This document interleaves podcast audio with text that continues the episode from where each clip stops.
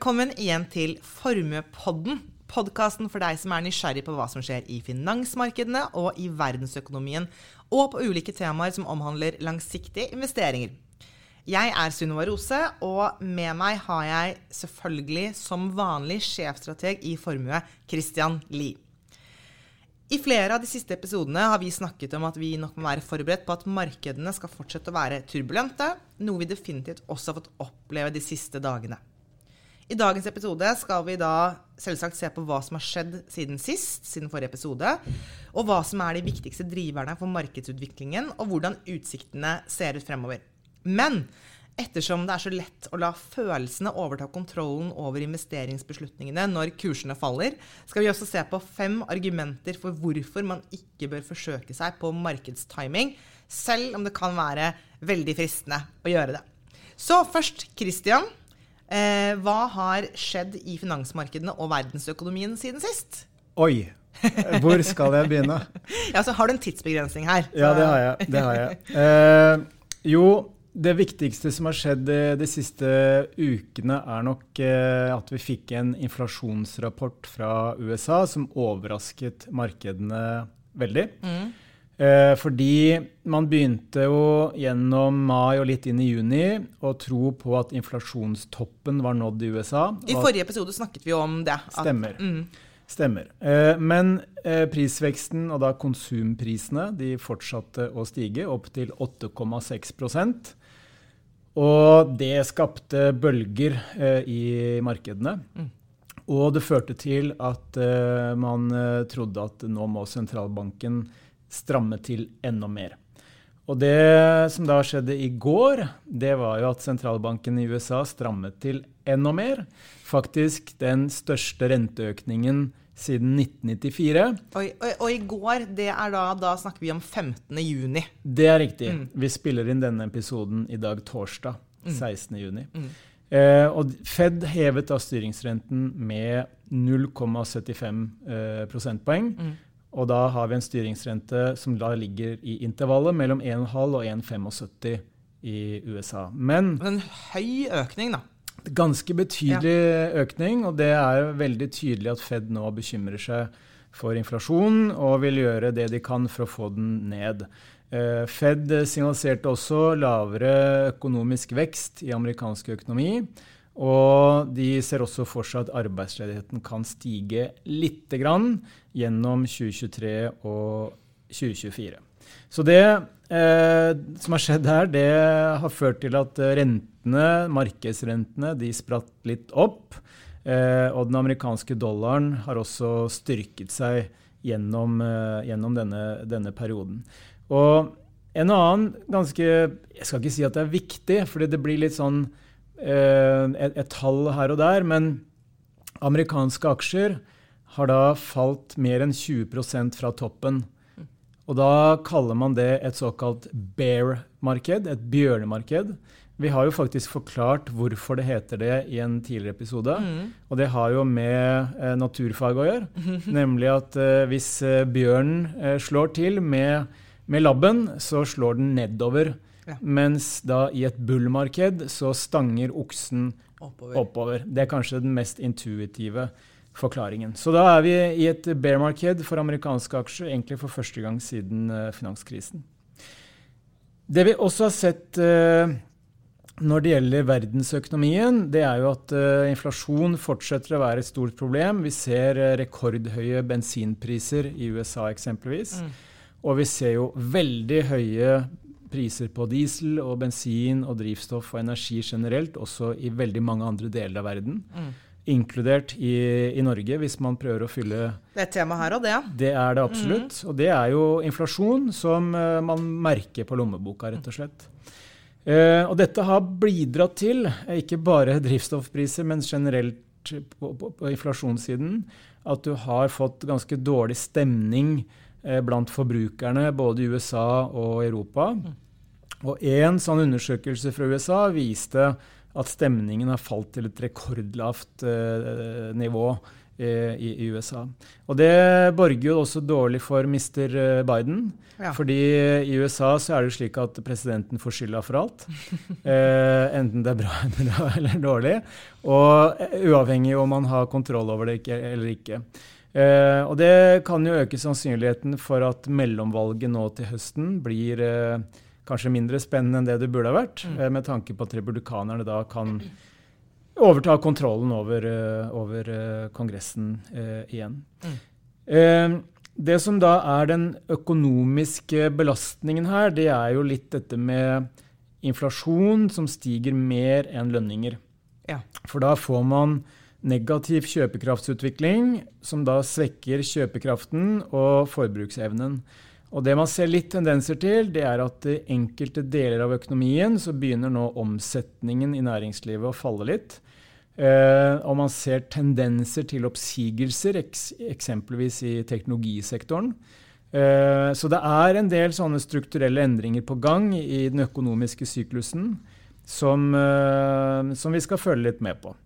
Eh, ellers har det kommet litt bedre tall fra kinesisk økonomi, og det, det er bra. Det, har, det er bra. Ja. Eh, vi har jo også snakket om denne nedstengningen knyttet til covid. Eh, og så har de sluppet litt opp, og så er det da bølger med nye smittetilfeller, og så må de stenge ned igjen. Så det er litt sånn to steg eh, frem og ett tilbake i kinesisk økonomi, men, men tallene har i hvert fall vært eh, litt bedre. Eh, en annen sak som jeg også leser hver måned, eh, det er en eh, Global Fund Manager Survey fra Bank of America. Og Det er en undersøkelse som har pågått i mange år, som jeg har lest hver eneste måned i mange år. Som da rett og slett spør et ganske stort antall forvaltningsmiljøer rundt omkring i verden hvordan de ser på tingenes tilstand. Og denne junirapporten som eh, kom, den eh, var ganske dyster lesning. Ja. Det var den høyeste pessimismen knyttet til global økonomi siden undersøkelsen ble etablert uh, i 94. Så du sier at pessimismen, da er det da hva, hva, folk, hva de tror og mener ja, altså Forventningene til utviklingen i verdensøkonomien ja, mm. er på veldig veldig pessimistiske ja. nivåer. Mm. Eh, og det var den høyeste stagflasjonsfrykten siden finanskrisen. Og stagflasjon har vi også nevnt tidligere, men det er jo da en stagnerende økonomi mm. samtidig som du har et inflasjonsproblem. Ja, eh, og i tillegg de svakeste inntjeningsutsiktene eh, for børsnoterte selskaper siden 2008. Og Det som også er, da, er litt spesielt nå, det er jo at eh, når pessimismen har vært så utpreget hos disse forvalterne før, så har et flertall av disse forvaltningsmiljøene det forventet rentekutt som kalles svar på de utfordringene som det er i økonomien og finansmarkedene. Men denne gangen så er det fortsatt et flertall, og et ganske betydelig flertall, som tror at rentene skal videre opp de neste tolv månedene. Så der har du et litt sånn tydelig skille på det man har vært vant til å se når pessimismen har vært betydelig eh, tidligere. Og Sist, men ikke minst, så har det også vært store problemer i kryptovalutamarkedene. Eh, og verdien da, av kryptovaluta samlet sett i verden har falt til under 1000 milliarder dollar. Og det reflekterer et kursfall på per i går 67% siden toppen i november 2021. Oi! 67, 67 eh, fall. Det er heftig. Det er heftig. Og Det man også da kan lese om, det er at en del av disse eh, kryptobørsene osv. de må nå gå til oppsigelser. Ja. Og det er eh, litt sånn som på, på, engelsk kalles 'unraveling'. Altså ting går litt opp i, i sømmene her i deler av kryptomarkedet. Ja. Så det var det, det som har skjedd i, eh, i finansmarkedene og verdensøkonomien siden ikke sist. Så rent lite. ikke så rent lite. Så hva vil du si er de viktigste markedsdriverne for øyeblikket, da, Kristian? Ja, det handler egentlig om to ting. Eh, det ene er inflasjon, og det andre er resesjon. De rimer jo til og med. Eh, og det det handler om da, det er jo at disse to tingene henger sammen. Fordi jo lenger inflasjonen holder seg høy, desto mer må sentralbankene stramme inn i pengepolitikken for å få prisveksten ned.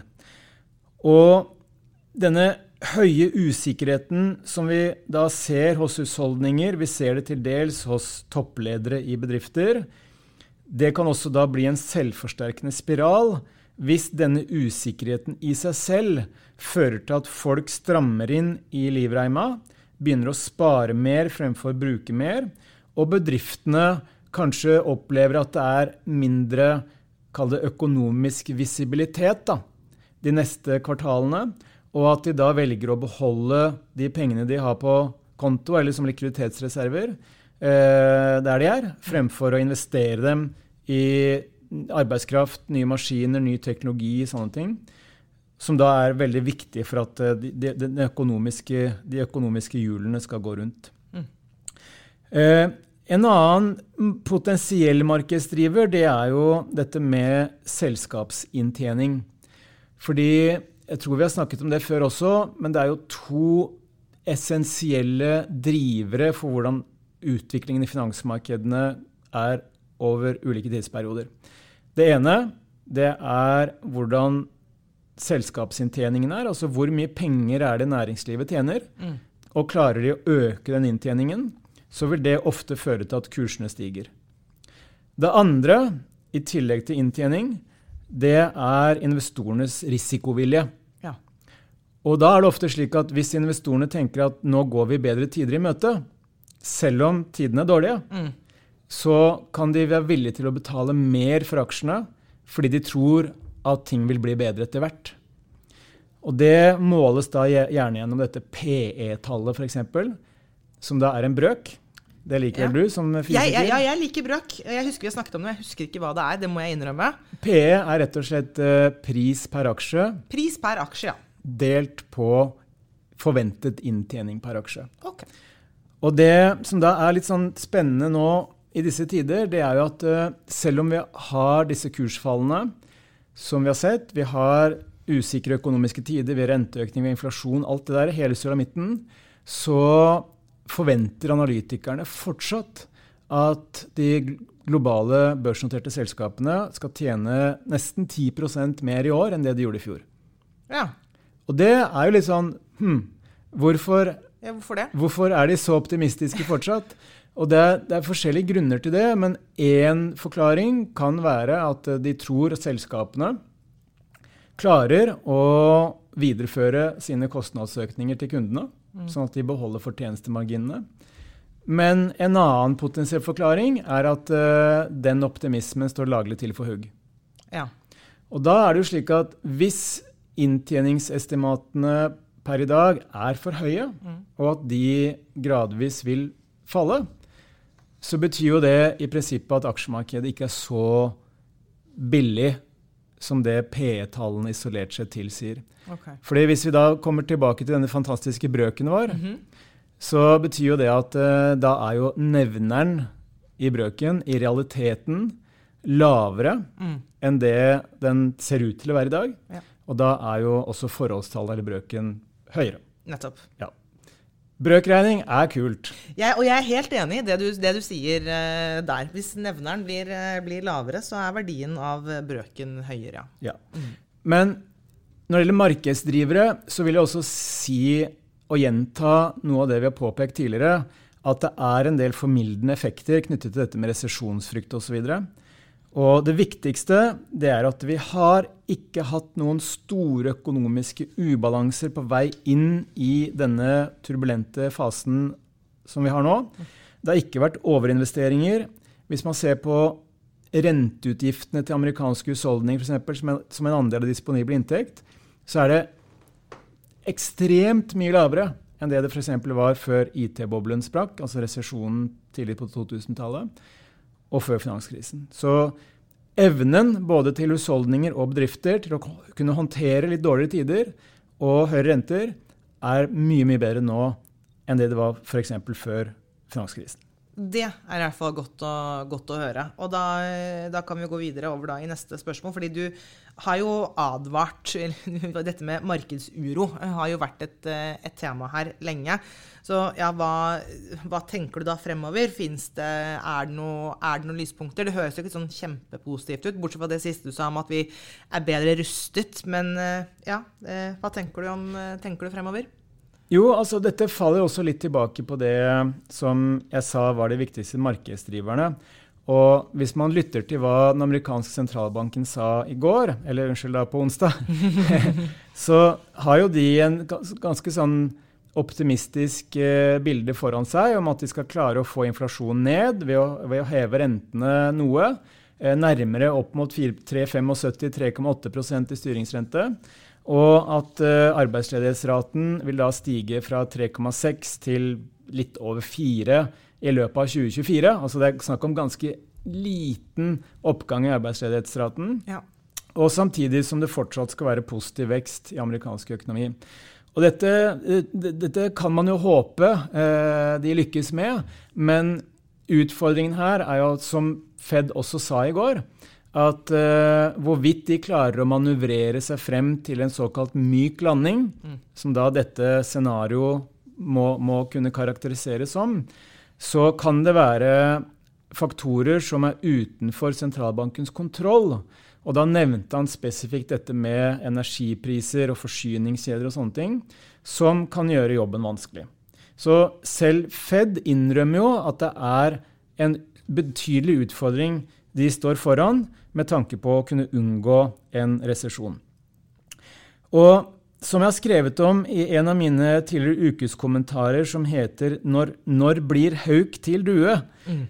så er vi nok avhengig av å se at inflasjonen begynner å komme under kontroll i USA først og fremst, slik at Fed blir mindre aggressiv i sin retorikk knyttet til renteøkninger. Uh, og dette, denne inflasjonsnedgangen den må da helst også skje samtidig med at amerikansk økonomi og global økonomi klarer seg rimelig bra. For det er jo heller ingen tvil om at den store utfordringen fremover det blir jo nettopp at det er etterspørselen og aktiviteten i økonomien som må ned. Det er jo det sentralbankene prøver å få til for å få inflasjonen ned. Altså De må få etterspørselen i økonomien ned. Og da kommer vi ikke utenom at eh, økonomien må bli svakere før den kan bli bedre igjen. Og det vil også kunne påvirke selskapsinntjeningen, som vi nettopp var innom, i negativ retning. Og Spørsmålet blir jo da hvor lenge skal den økonomiske svekkelsen vare, og hvor dyp blir den? Det er det jo ingen som vet. Og en annen faktor så er det jo eh, slik at alt det negative vi leser om i avisene, alt det negative vi vet kan skje knyttet til resesjon og videre kursfall i, i, i markedet osv., det er jo ting som investorene nå har hatt ganske god tid på å forberede seg på. Mm. Utfordringen er jo hvis det kommer stadig nye overraskelser, spesielt knyttet til inflasjon, og kanskje også knyttet til svekkelse i økonomien, da er det mer rom for at kursene kan falle. Hvor er det disse overraskelsene kan komme fra? Er det, altså, hva er sånne type overraskelser som kan komme der? Jo, eh, det er et godt spørsmål, og jeg kan komme med et veldig konkret eksempel. Fordi noe av det som bidro til at uh, markedet, og når jeg sier markedet, så er det den det, aggregerte oppfatningen til alle investorer. Aggregerte? Altså samlet? Ja. ja ok. Eh, og da hadde man en ganske klar forventning om at eh, inflasjonsrapporten for mai mm. I USA den ville vise en stabilisering, eller kanskje i større grad et lite fall i konsumprisveksten. Ja. Og argumentasjonen for det var bl.a. at inflasjonstallene gjennom samme periode, gjennom deler av andre kvartal, i 2021 var ganske høye. Og da har vi jo snakket om baseeffekter før, ikke sant? Mm. Vet ikke om du husker det? Baseeffekter husker jeg ikke. Nei, For det er jo da når man måler inflasjon, så måler man jo inflasjon som utviklingen over en periode, gjerne da tolv måneder. Og da er det jo slik at hvis inflasjonen f.eks. var veldig høy, inflasjonstallene var veldig høye i mai i 2021, så betyr det at for at prisveksten da skal stige i mai 2022, mm. så må på en måte prisene virkelig akselerere. Det ja. blir en høyere terskel å hoppe over ja. når man da skal sammenligne med inflasjonen i samme måned i fjor. Mm. Så det som da kan bli en potensiell overraskelse mm. gjennom tredje kvartal, det er at gjennom 2021 så var inflasjonstallene gjennom tredje kvartal ganske lave. Ja. Og det betyr jo da at inflasjonstallene for tredje kvartal i 2022 de vil ha en høyere sannsynlighet for å kunne overraske på oppsiden og være høyere enn det mange tror, fordi baseeffektene da blir mindre til hjelp mm. i år. Ja. Var du med? Jeg tror det. Ja. ja. så, så, det som da kan være en sånn overraskelse, som kan sette en støkk i markedene gjennom sommeren, det er jo om inflasjonstallene som da presenteres kanskje i august og september, er mye høyere enn det man har trodd. Og da vil det sette nytt press på Fed, ikke sant? Ja. og så får man denne, denne, balladen en gang til. Ja. Eh, det jeg også syns er viktig å snakke litt om når det gjelder utsiktene, det er jo at eh, når vi har den situasjonen vi har i dag, med litt sånn resesjonsfrykt og inflasjon og mye trøbbel og, og bekymringer, så er det veldig mange i bransjen og mange andre òg som prøver å finne historiske paralleller. Ja. Som kan hjelpe oss med å spå hvordan dette kommer til å gå fremover. Mm. Men en, en, utfordring der er jo at uh, dagens situasjon den kjennetegnes av såpass mange ulike og særegne faktorer samtidig ja. at det er få historiske presedenser mm. som vi kan bruke i dag for å prøve å predikere hvordan ting kommer til å gå. Og vi har jo da en miks av pandemirelaterte konsekvenser. Vi har krig, vi har geopolitisk ustabilitet, vi har ubalanser i energi- og råvaremarkedene. Og vi har den høyeste inflasjonen på 40 år, og ikke minst så har vi et grønt skifte som haster stadig mer, og som også kan få konsekvenser bl.a. for inflasjon og for råvarepriser. Og da blir det veldig vanskelig å spå hvordan ting kommer til å gå. Men som en lissepasning inn til vår siste del i dag, som handler om hvorfor man ikke skal drive så mye med markedstiming, så vil jeg også peke på trøsten her. Det er jo at ingen historiske kriser, uansett hvor alvorlige de har vært, verken små eller store, har vært evigvarende. Og faktisk så er det jo kriser og vanskelige perioder som ofte fører til en ny fase med akselerasjon i økonomien, akselerasjon i selskapsinntjeningen og i aksjekursen og alt mulig, og i tillegg økt produktivitet og fremtidsoptimisme. Og det ser vi jo veldig tydelig på hvordan aksjemarkedet har utviklet seg historisk. Og går vi tilbake til 1950 f.eks., så har amerikanske aksjer steget i tre av fire kalenderår. Du sa tilbake til 1950. Eh, 1950, ja. Så ja. 75 eh, av alle år så har det vært eh, oppgang. Ja. ja. Men en liten digresjon der, mm -hmm. det er jo at hvis vi går tilbake til 1870, ja. så har aksjemarkedet steget i, i anførselstegn bare to av tre år. Okay. Så den statistikken da som viser at aksjemarkedet har steget i tre av fire år, mm. den er litt preget av det som har skjedd etter 1980. Ja, nettopp. Og hva er det som har skjedd etter 1980? Jo, det har vært rundt 40 år med fallende renter. Ja. Så det har da vært en viktig bidragsyter til at aksjemarkedet har steget oftere mm. enn det det gjorde i den perioden hvor renten ikke nødvendigvis falt hele tiden. Mm. Ja. Det var, eh, så det var eh, noen tanker fremover med, med markedsuro osv. Så, videre. så i perioder som dette, med mye usikkerhet og fallende porteføljeverdier, er det lett å la frykten ta overhånd og kanskje selge seg ut. Noen tenker at det kanskje er best å sitte på sidelinjen til ting ser bedre ut. Er dette en god strategi hvis man i utgangspunktet har en langsiktig tidshorisont for investeringene sine? Og Christian, du har sagt at du har fem argumenter for å unngå såkalt markedstiming. Så nå er jeg spent på disse fem eh, argumentene dine for det. Ja, Det finnes jo egentlig flere enn fem eh, argumenter for det, men jeg prøver å konkretisere, konkretisere litt. Eh, og Det første har vi så vidt vært innom, eh, nemlig det faktum at verden stort sett går fremover og ikke bakover. Og det gjelder også da finansmarkedene. Enten det er børsoppgang i to av tre år eller tre av fire år, så er jo verdiskapningen som har skjedd i næringslivet og i de børsnoterte selskapene gjennom tiden, den har jo vært ekstremt uh, god.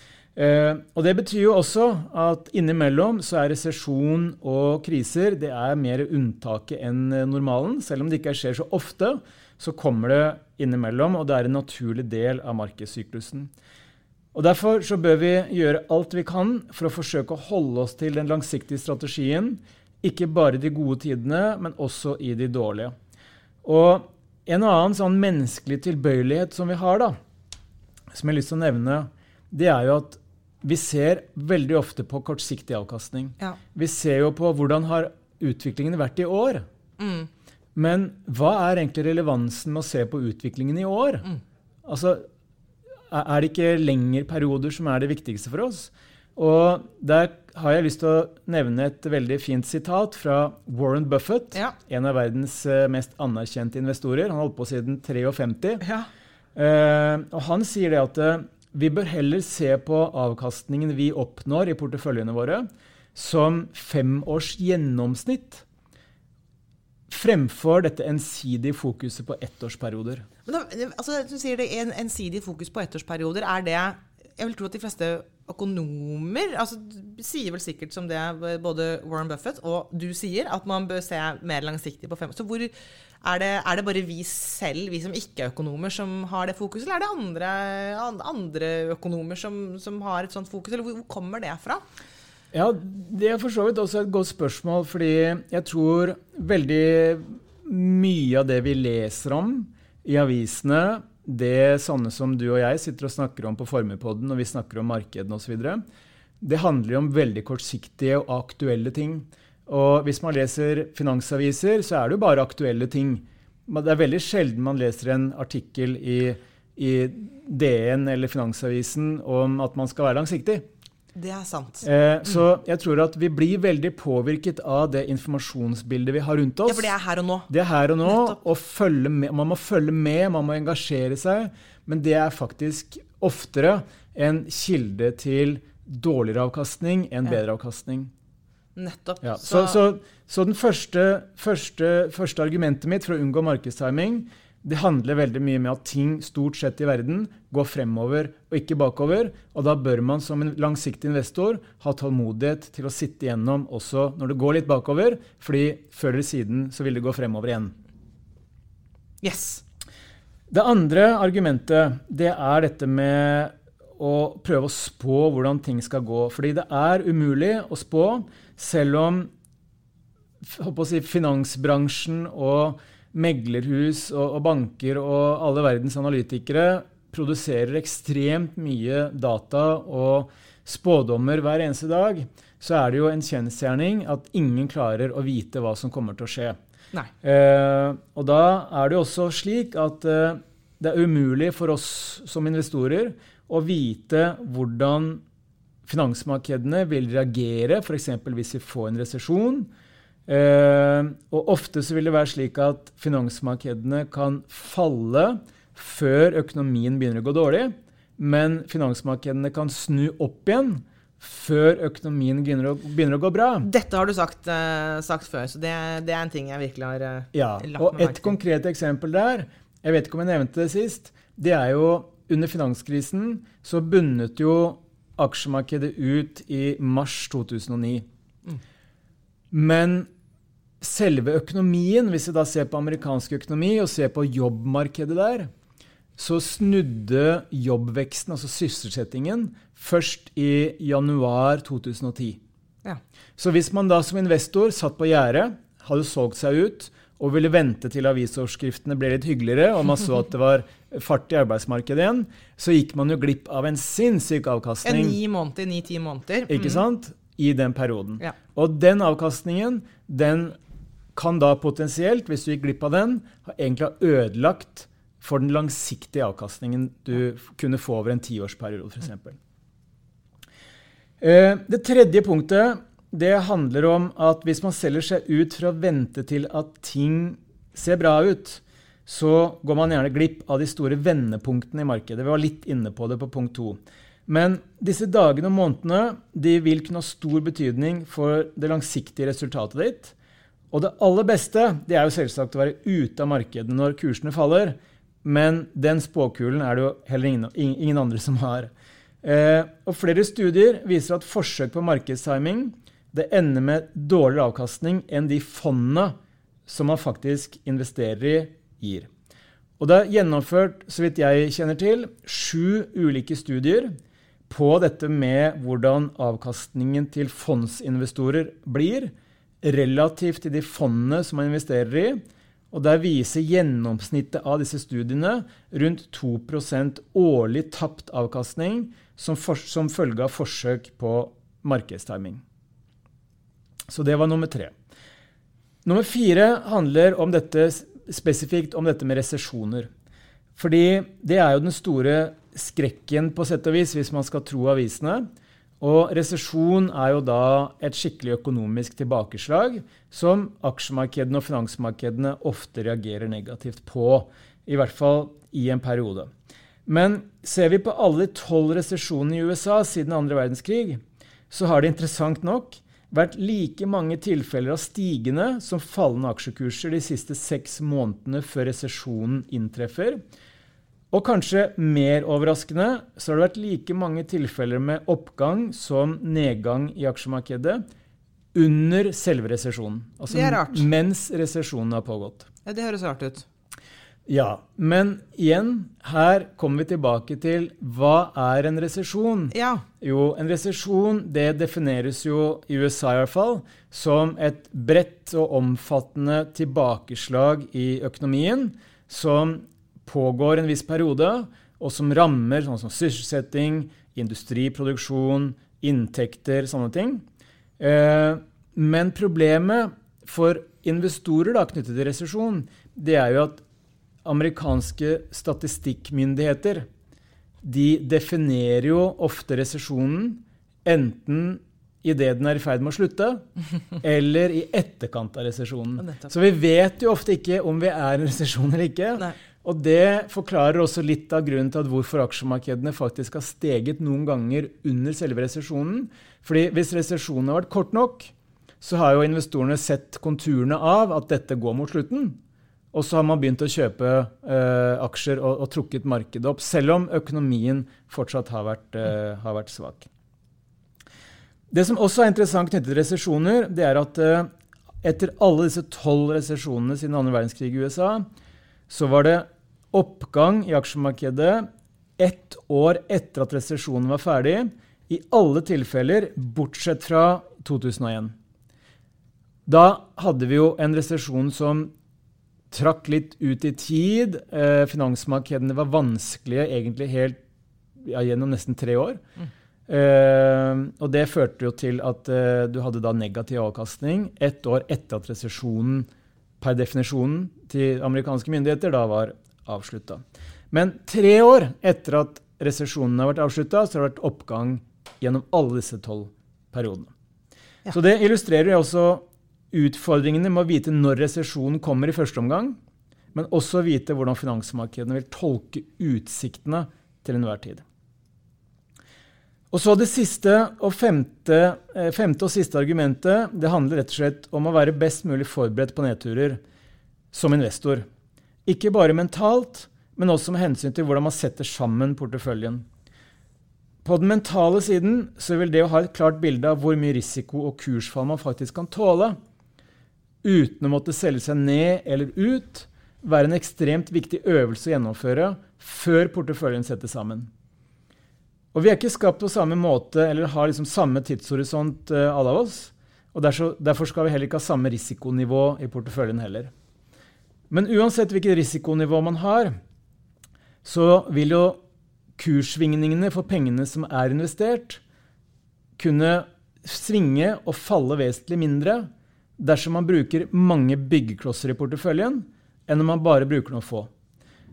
Og det betyr, det betyr, ikke at man unngår negativ avkastning i dårlige perioder. Det ser man også på våre porteføljer, som også er negative i år. Men mest sannsynlig vil verdifallene dempes sammenlignet med om man har en, alle pengene i aksjemarkedet, f.eks. Mm. Så fordelene med det å ha disse byggeklossene og diversifisere porteføljene, det er ganske mange. For det første så gjør det da litt mindre vondt følelsesmessig når markedene faller. Og for det andre så kan det bidra til at vi blir litt mindre frista til å selge eller gjøre drastiske endringer på ugunstige tidspunkter. Og det tredje her det er jo at eh, jo mindre kursfall man får i porteføljen gjennom vanskelige perioder, jo raskere kommer du tilbake til positiv avkastning, som da betyr at rentes renteeffekten kommer i spill igjen på et tidligere tidspunkt.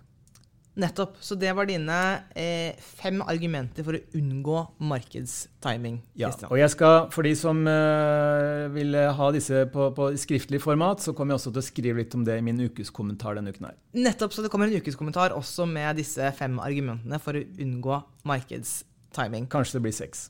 Kanskje det blir seks, men her var det fem. Her var det fem. Eh, ok, da, vi, eh, da, har vi faktisk kommet i mål. Men jeg har lyst til å spørre, sånn som jeg har gjort litt det siste, hvis du på en måte kan gi en oppsummering, eller hva er dine viktigste takeaway fra, fra dagens episode? Sånn veldig, veldig raskt.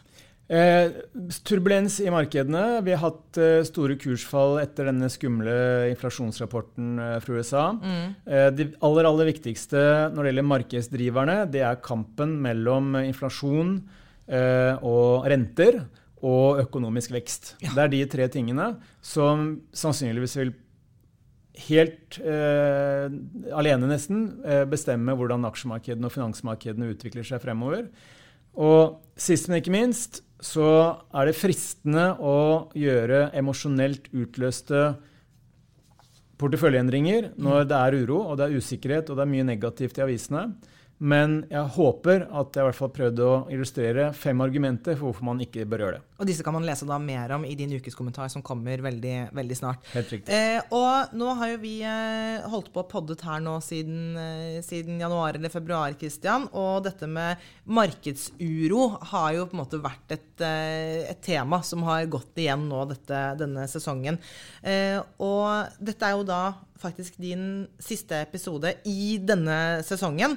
Eh, så vi, vi, to ses igjen i august. Det gjør vi. Eh, jeg har lyst til å spørre, tror, tror du det, Er det fremdeles markedsuro? Er det, er det samme, samme refrenget da også, eller eh, vil du ikke, kanskje ikke si noe om det? Jeg, jeg, vet rett og slett ikke. Nei, du vet selvfølgelig ikke. Jeg har ikke noe spåkule. Men jeg tror det er lov å håpe på at vi i hvert fall har fått en stabilisering. Ja.